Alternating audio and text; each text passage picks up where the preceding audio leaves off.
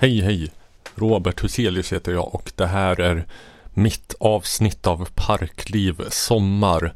Får se om det blir några fler som gör sådana här men då hoppas jag att ni tar den chansen när ni har den. 1969 släppte singer-songwritern Al Stewart sitt andra album med namnet Love Chronicles.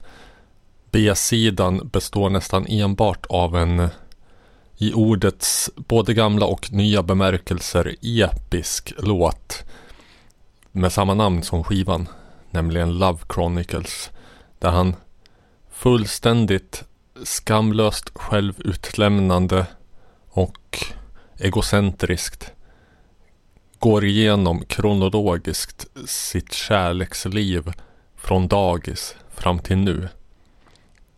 Det är en helt fantastisk låt och jag hade tänkt att göra det radikala greppet att eh, inte bara utgå ifrån denna låt i mitt upplägg av det här programmet utan även bara spela den låten fast en sektion i taget.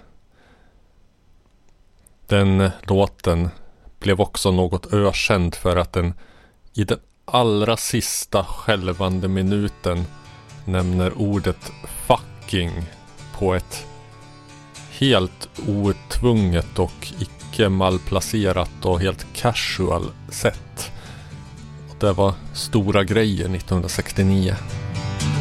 I can remember the first girl that I did love It was Stephanie In kindergarten arithmetic class She used to sit next to me I'd pass the sticky sweets under the table Where the teacher couldn't see.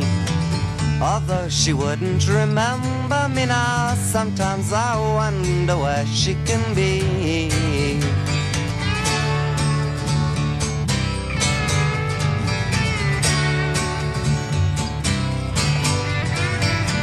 I can remember the first girl I kissed, it was Christine when I was ten. I'd been told we were moving away, I thought I'd never see her again. Oh, don't forget me. I'll be back when they let me. Before you learn how to lie when you're leaving, love is so much easier than. Diana hette min bästa vän på dagis i Jordbro, cirka 1985 till 87. Hon var inte den jag hade roligast med, men hon var den jag tyckte bäst om.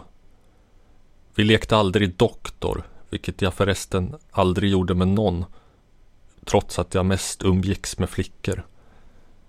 Vi lekte tjejlekar i dockis, det vill säga dockrummet. Diana var en söt tjej med långt svart hår. Jag hyste varma känslor för henne i så mått om man gjorde det i fem, sex års åldern så kanske till och med kärlekskänslor. Hennes föräldrar var från Jugoslavien, vilket inte hörde till ovanligheterna i Jordbro vid denna tid. Mitt dagis hade en karta över Jugoslavien på väggen, men ingen över Sverige. Jag beundrade Diana och ville efterlikna henne. Jag minns ett tillfälle då Hela dagis var samlat för att sjunga Björn Afzelius Sång till friheten. Jag bytte i hemlighet ut alla du mot Diana. Diana är det finaste jag vet, sjöng jag. Jag flyttade från Jordbro ut på landet sommaren 1987. Över 20 år senare fick jag för mig att försöka ta kontakt med Diana igen. Jag hittade henne inte på Facebook, men väl i folkbokföringen. Så jag skickade henne, om det nu var rätt person, ett handskrivet brev. Här följer ett utdrag ur brevet jag skickade. Hej! Vet inte om jag har funnit på rätt person nu. Men jag tror det. För du är väl den Diana som gick på daghemmet Långbäling i Jordbro cirka mitten av 80-talet? Om inte kan du ju sluta läsa nu. Jag vet förstås inte om du alls minns mig. Antagligen är jag en ovanligt grav nostalgiker som ägnar mig så mycket åt det förflutna och tänker så ofta på gamla kompisar. Men jag hoppas att du minns något av mig ändå. Jag minns att vi lekte mycket ihop. Men bara på dagis. Vi träffades lustigt nog aldrig på fritiden. Vad vi lekte minns jag sämre. Men antagligen en del mamma, pappa, barn. Men jag tyckte mycket om dig och höll dig säkert för min bästa kompis.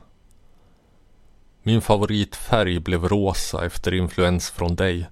Det var innan någon talat om att det var en tjejfärg. Jag försökte efterlikna dina teckningar. Till exempel en med en gul måne som var så glad att han grät men tyckte inte att jag var lika duktig. När mina föräldrar en gång frågade om jag tyckte om Diana svarade jag Ja, hon passar in i min livsstil. Jag hade läst den någonstans och tyckte det lät bra. Föräldrarna tyckte mest det lät roligt. Jag minns att din mor var snäll och ofta kom på besök till dagis. En gång hade hon med sig gympapåsar till alla på avdelningen med namnen inbroderade. Om jag inte blandar ihop henne med någon annan förstås. Min ligger kanske fortfarande kvar i min fars förråd. Sommaren 1987 hade jag fått en lilla syster och skulle snart börja skolan. Och vi flyttade från Jordbro till en liten by en och en halv mil utanför Katrineholm. Strax efter flytten gjorde vi ett sista återbesök på dagis och du och jag lekte ånyo i kuddrummet som om ingenting hänt. Men sedan den dagen har jag bara varit i Jordbro två gånger och då som vuxen. Hittade vårt dagis och jäklar vad liten gården ser ut idag. Ungarna i min lågstadieklass tyckte nog att jag var en udda fågel. Mörkhårig och med konstig dialekt. Tjejerna i klassen trodde att jag kom från ett annat land. Det var förresten först nu jag blev inskolad i att pojkar inte ska leka med flickor. Något som jag inte hade haft en aning om innan. Men jag minns ändå lågstadiet som den bästa tiden i mitt liv. Jag hade roligt, både med kompisar och ensam med min egen fantasi. Och jag var sådan jag helst skulle vilja vara. Tänkande och reflekterande, men med barnets bekymmerslöshet.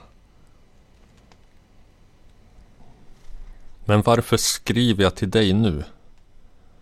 Ja, inte det bara för att göda min arbetsgivare Posten AB.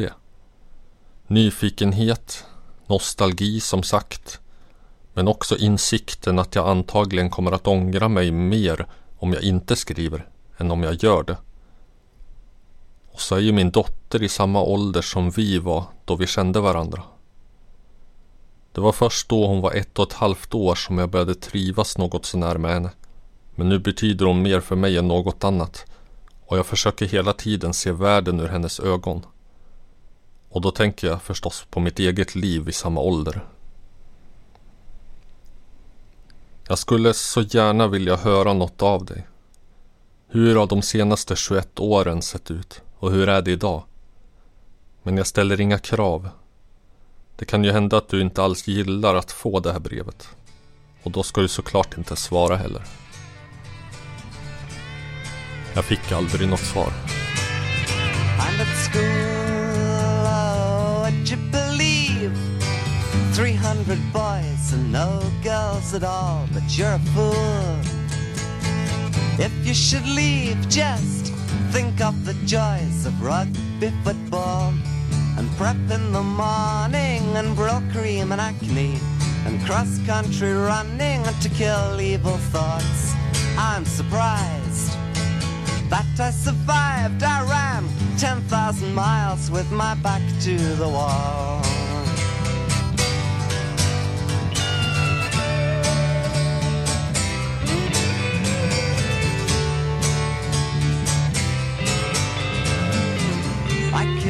Remember the first girl that I made love to. It was in a park. In the lower pleasure gardens in Bournemouth in summer, just after dark. My mind was reeling. Oh, what a feeling! I missed the bus and walked 12 miles home, and it really didn't seem far. Åren 1990 till 93 i Flodafors skola. En och en halv mil ifrån Katrineholm som sagt. Hade ingen hört talas om internet. Och vi framlevde våra unga liv nästan utan urbana influenser. Men våra brådmogna psyken matades med en stridström av Kamratposten och Bert-böcker. Vår generations killar lärde sig därigenom att skriva dagbok och hångla och jag ägnade stora del delar av min mellanstadietid åt bäggedera. Jag och en kompis som bodde ensam med en något släpphänt far brukade bjuda hem några av klassens tjejer om kvällarna bara för att få hångla med dem i kompisens mörklagda rum till tonerna av Louis Armstrong, Manfred Mann eller Elvis Presley eller vad vi nu anakronistiskt gillade för tillfället. Men den jag verkligen blev kär i var klasskamraten Maria G. Jag tror aldrig att hon kom på en av de där hångelfesterna. Men när jag såg henne i korridoren i skolan blev jag ögonblickligen varm i hela kroppen. Jag smidde planer på att fråga chans på henne, som man gjorde i den åldern. Men jag lyckades aldrig ansamla mod därtill. Men en dag på skolgården tog hon mig avsides och frågade chans på mig. Jag blev så tagen och överrumplad att jag bokstavligen inte fick fram ett ord. Jag stod antagligen bara och stirrade dumt framför mig som den autistiska unge jag ännu inte visste att jag var. Hon visade dock prov på en psykologisk förmåga som vida överstiger den som jag fortfarande har och svarade Jag tar det som ett ja. Därefter var vi officiellt ihop i exakt tre dagar tills hon gjorde slut via en kompis i matkön. Efter detta framlevde vi resten av mellanstadiet i ett slags inofficiellt öppet förhållande med tryckare och långtradare vid varje given chans. Tills högstadiet kom och förstörde mitt liv. And all through my 17th summer, running together from crowds and ties, taking our clothes off and feeling each other with fingers and senses and mouths and eyes, incurring the glances of old disapproval from elderly local inhabitants' eyes. Oh, time, time, we hardly even knew you. You didn't touch us with your lies.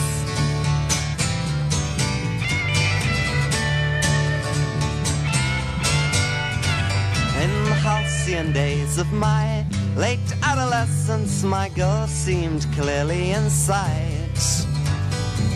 Playing electric guitar with the beat group, we set the ballrooms alight. Camping it up for the dyed blonde receptionists who told us we were alright. Oh, an ego trip for a teenage superstar on 30 shillings a night.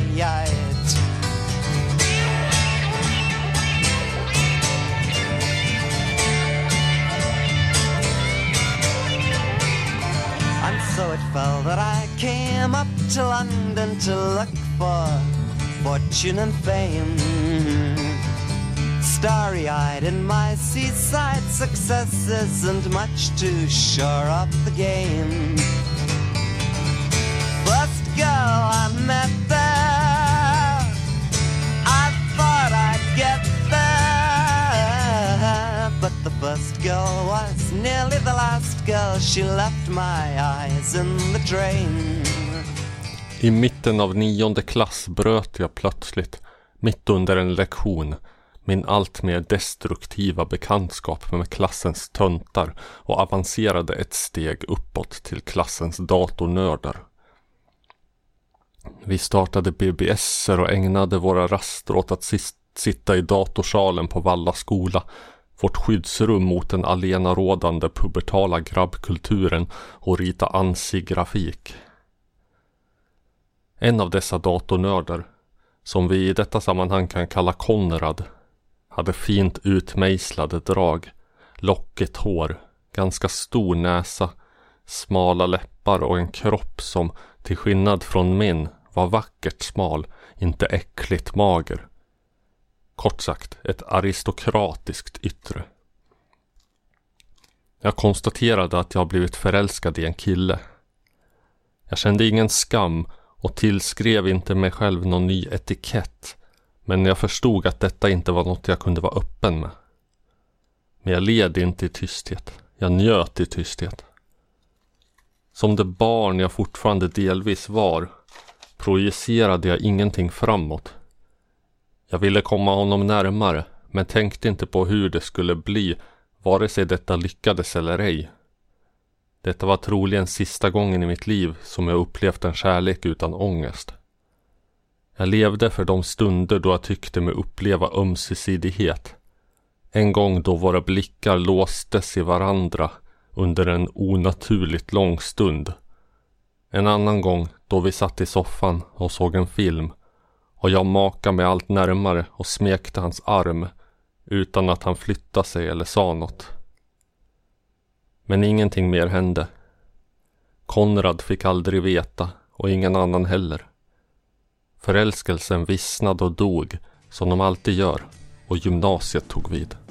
She sat on my floor in the dead of the night Rolling a joint and looking round for a light Her clothes were so black and her face was so white How could I know what was right?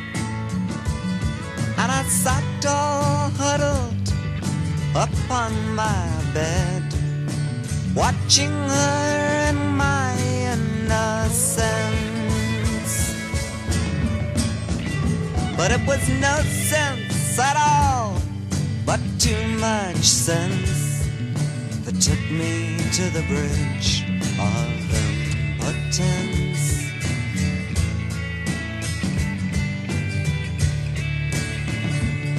Oh, Otto's anthology lay spread on the floor.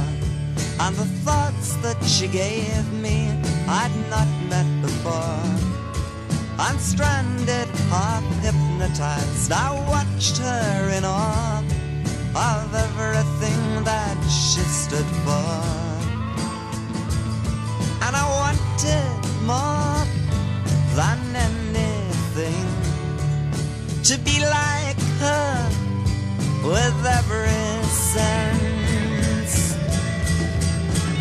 But it was no sense at all, but too much sense that took me to the bridge of impotence.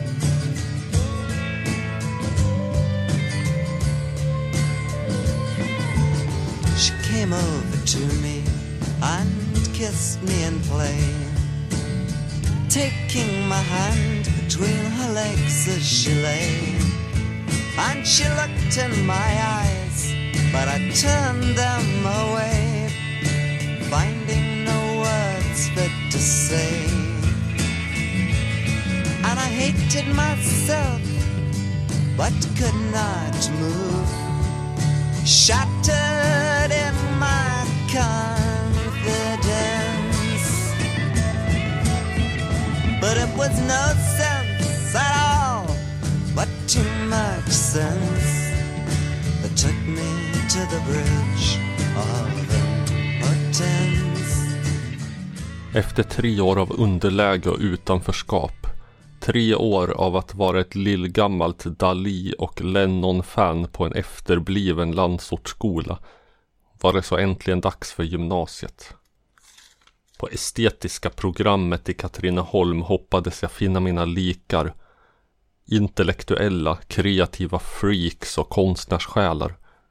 Här skulle jag äntligen få spräcka min trånga puppa och sprida mina vingar. Vad jag istället fann var ett brutalt mindervärdeskomplex. Nya sociala normer som jag inte mäktade uppfylla den här gången heller. Samt en olycklig kärlek som konsumerade hela mitt väsen. Upptog snart sagt varje vaken stund och slungade mig in i min första verkliga depression. Hon hette Matilda och gick i min klass. Idag kan jag inte säga vad som drog mig till henne. Men kärleken är blind. Och själv blev jag snabbt blind för allt i världen utom henne. Jag korsade den diffusa gränsen mellan tonårsförälskelse och osund besatthet. Jag slungades handlöst ner i ett bottenlöst hav av emo, även om det ordet inte var i bruk då. Jag förlorade min förmåga att känna glädje. Barndomens och pubertetens oskuldsfulla svärmerier var ett minne blott och jag kände det som att ingenting i livet var något värt ifall jag inte fick dela det med Matilda. Vilket jag inte fick. I början av sommarlovet mellan ettan och tvåan skickade jag henne ett långt kärleksbrev inlett med hennes namn i kalligrafiskrift och en pretentiös dikt. Detta var nämligen ett av de sista år då man kunde skicka kärleksbrev på papper utan att framstå som ett totalt ufo. Kort därefter fick jag ett svar där hon tackade för brevet och den helt underbara dikten samt berättade att hon inte haft en aning om att jag var kär i henne. Jag hade lyckats dölja det väl. Om jag, och jag som tyckte mig ha gjort allt i min makt för att visa det. Matilda skrev även att hon gärna skulle vilja lära känna mig, men bara som kompisar. Som den autist jag fortfarande inte visste att jag var tog jag detta bokstavligt och skickade omedelbart iväg ett överoptimistiskt svar i vilket jag uttryckte min förtjusning över att få lära känna henne. Först då det var för sent insåg jag att detta bara är något man säger och efter att ha misslyckats med att med min spink, mina spinkiga armar fiska upp mitt brev ur den gula lådan postade jag ett nytt, betydligt mer uppgivet brev med påskriften OBS! Öppna detta brev först. Detta endast nämnt som en sorglustig detalj. Under mitt andra och sista år på estetprogrammet hade jag ingen som helst kontakt med Matilda. Med svarta kläder och upp och nervänt kors runt halsen gled jag, allt mer uppgiven och isolerad, runt i Duveholmsskolans korridorer, för evigt berövad min barnsliga oskuld. Now the stare of the light bulb tore holes in my brain as she got up in the silence that hung like a stain. And I wanted to speak or to call out her name. But how could I begin to explain? Prosecuting room still holds a strand of her hair in evidence. But it was no sense at all, but too much sense that took me to the bridge of impotence.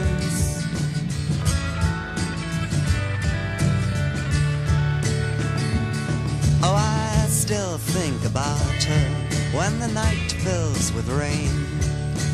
Speaks in its voices uneasy and vain. And I think where I may be to find her again. Oh, I probably see her more plain.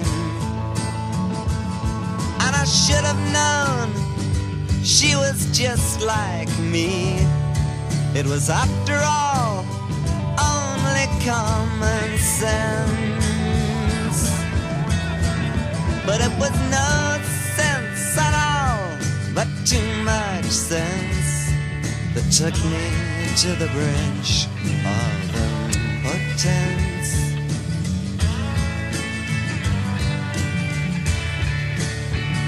But it was no sense at all, but too much sense that took me to the bridge of impotence.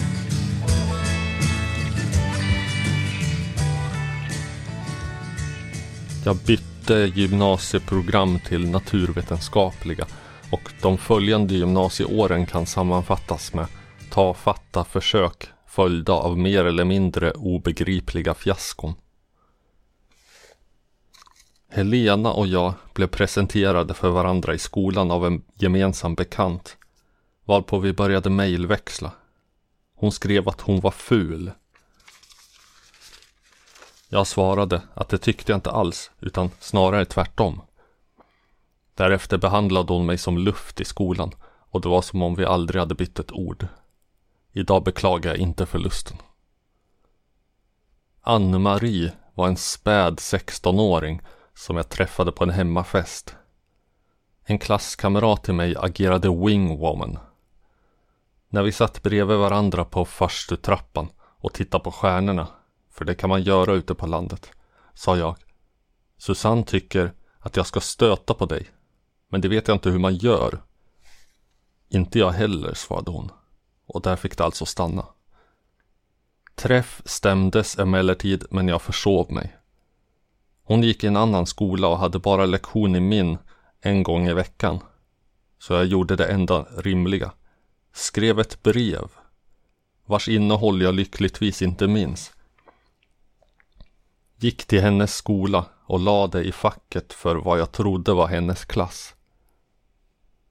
Nästa gång jag fick syn på henne i min skola for hon som ett skott in på en toalett så fort hon såg mig.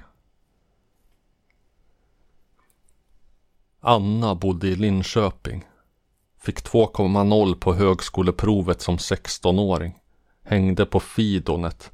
Skrev poesi och var alla datornördars våta dröm.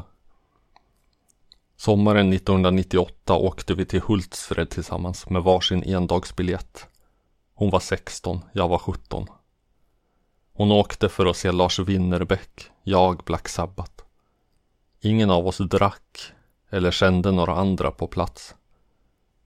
När vi sent på natten låg och frös i min fars gamla slitna tält sa hon att jag fick agera mänskligt värmeelement.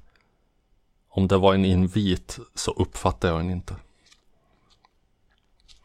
En annan gång satt vi i hennes lilla lägenhet, drack förmodligen billigt vin och lyssnade på Tåströms solodebut som kändes uråldrig trots att den knappt hade tio år på nacken. Vi satt bredvid varandra i soffan. Jag makade mig lite närmare och frågade romantiskt. Får jag gosa lite med dig? Hennes jakande svar kom nog inte hela vägen från hjärtat. För trots mina försök till skel satt hon stel som en pinne. Jag drog mig tillbaka, bokstavligt och bildligt. Tiden kring det som populärt kallas millennieskiftet markerade något av en återgång till mellanstadiets Casanova-tillvaro. Marinas far var radioamatör och familjens modem kopplade ifrån ifall det inte mottog en ständig ström av data varför hon körde slash list på IRC så fort hon kopplade upp sig. Hon spelade en liten roll i vår, vår gruvligt pretentiösa och undermåliga kortfilm Det vita huset. Och mitt framför näsan på hennes föräldrar hånglade vi som ett par hämningslösa mongoloider. Jag såg henne igen hösten 2003 och kände inte igen henne. Har jag blivit så fet? frågade hon. Jag Vet inte om jag vågade svara ja.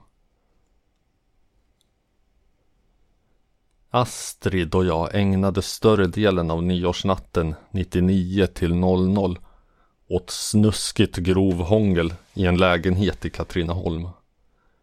Ingen av oss sörjde nog över att det var första och sista gången.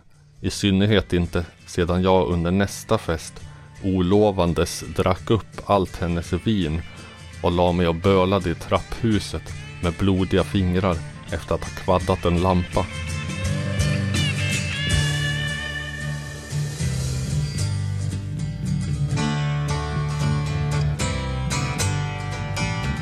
At first I didn't go out much at all. I just stayed at home in my chains. Picking over the threads of my confidence and searching for the remains. And when I just couldn't stand any more of it, going down to a club. Mixing in with the sounds and the crowds, I let the music cover me up.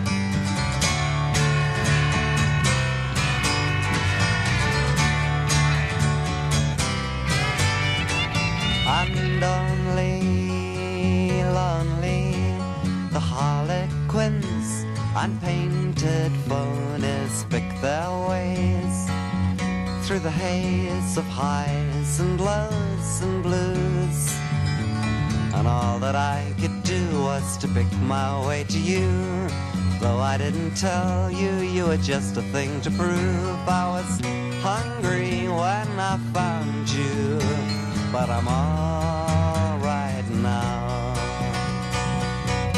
They sigh, they lie, the refugees and superheroes on ice. Oh, so nice to see you. What's your name? And all that I could do was to say the same to you. Take you for the moment, though the moment wasn't true. But I was hungry when I found you. And I'm alright now. Though the street lamp cut through the curfew, it shed no light on our mind. It would have been so easy to love you at any other time. Only lonely, you came to me. The night hung coldly in your eyes. Some other time I might have stayed with you. But all that I could do was to turn around to you. Thanks for what you gave me. Now it's time to say adieu. I was hungry when I found you, but I'm alright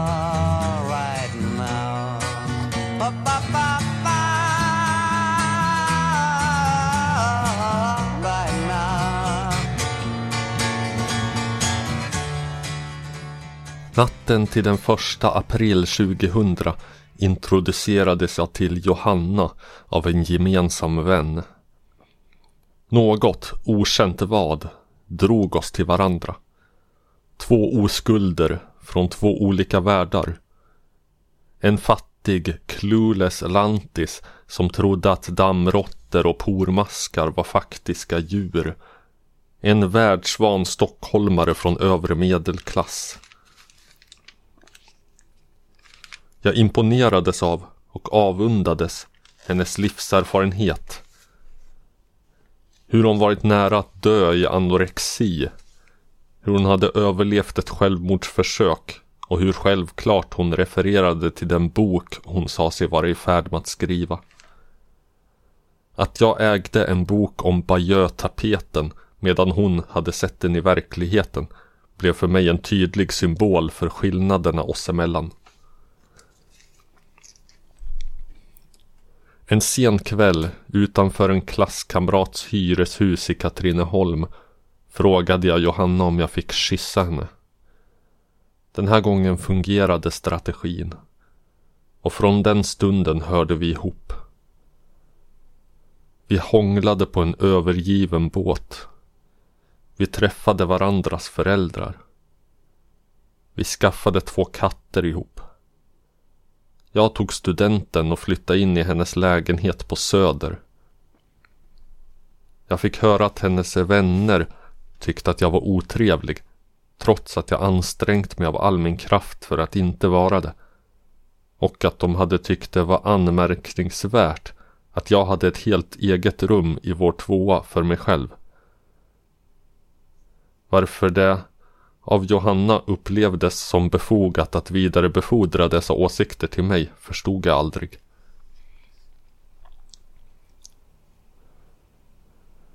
Vi genomlevde friktion. Jag skrämde henne med mina utbrott. Jag blev irriterad för att hon tålde så lite. Jag vände irritationen inåt. Jag överväldigades av dåligt samvete över mina tillkortakommanden och min otillräcklighet som partner. Jag gick hos kuratorer och psykologer, vilket aldrig hade funnits på min karta ifall inte Johanna hade planterat fröet i min hjärna. Jag fick jobb på lager och på posten, blev fysiskt och mentalt utmattad vantrivdes med det jag föreställer mig var vuxenlivet. Jag försjönk i kris. Johanna blev oplanerat gravid. Jag kunde inte hantera ett spädbarn. Mitt dåliga samvete stegrades till episka nivåer. Jag blev desperat. Jag ville bort. Jag åkte ensam till Arvika-festivalen 2003 med rastlös hjärna och lysten blick. And so it came that I stood disillusioned by everything I'd been told. I just didn't believe love existed. They were all just digging for gold. Widows and bankers and typists and businessmen loved each other, they said. But all it was, though, was just a maneuver, the quickest way into bed.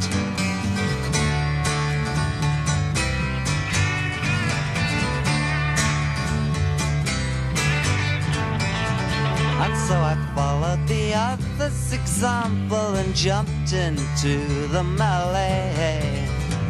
In the hunting grounds of Earl's Court and Swiss Cottage, I did my best to get laid. Beer cans and parties, deaf girls and artists, bouncing around in the social confusion missing and making the grade.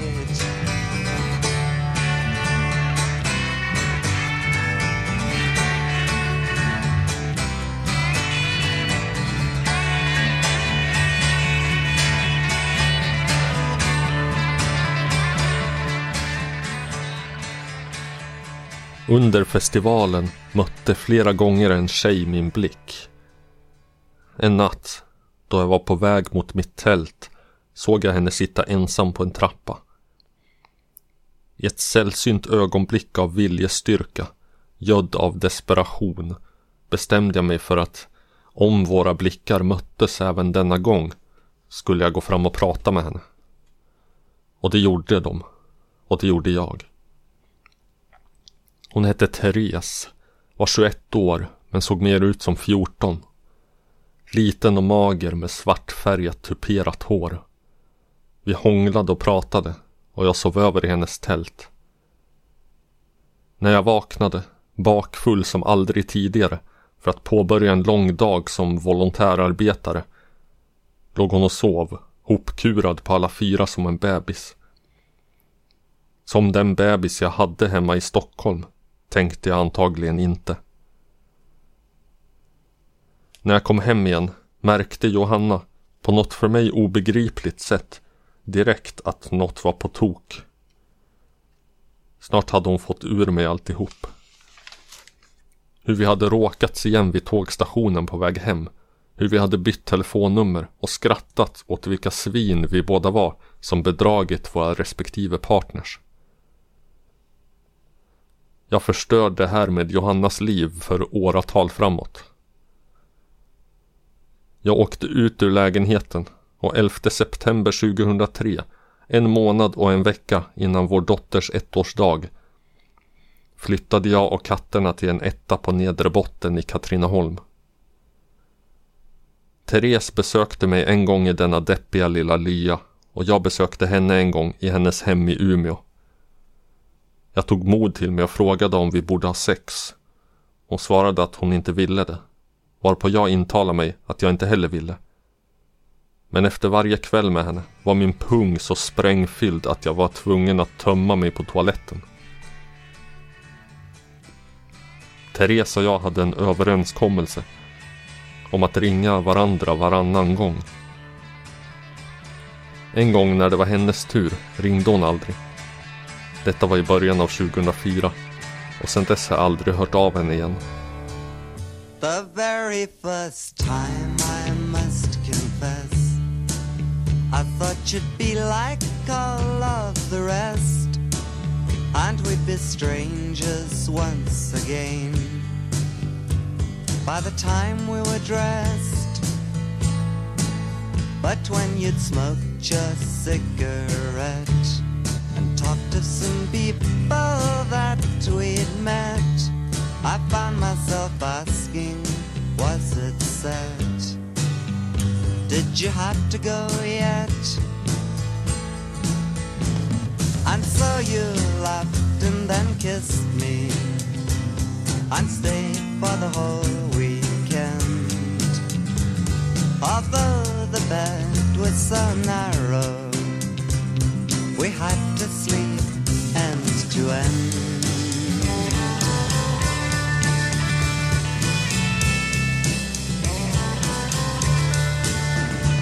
The weeks pass through my brain.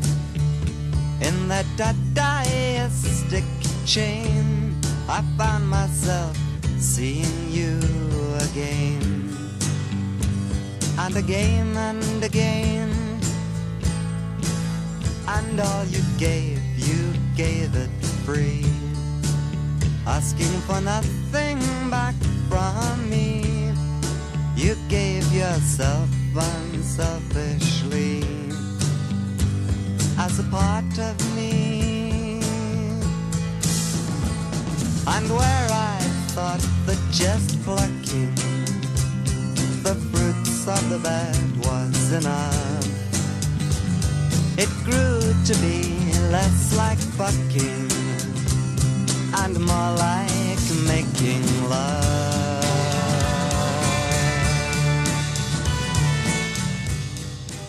Efter Therese gjorde jag en dygd av nödvändigheten och gick in i en tillvaro som munk utan minsta lilla flört eller romantisk kontakt av något slag som varade till hösten 2016 då jag blev uppraggad på en klubb och en ny gammal värld öppnade sig för mig.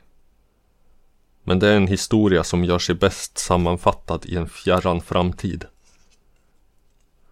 Det dröjde också ungefär lika länge innan jag fick den Asperger-diagnos som jag redan strax efter sekelskiftet börjat misstänka att jag borde ha och som förmodligen sätter alla mina nyss avhandlade anekdoter i ett förklarande ljus.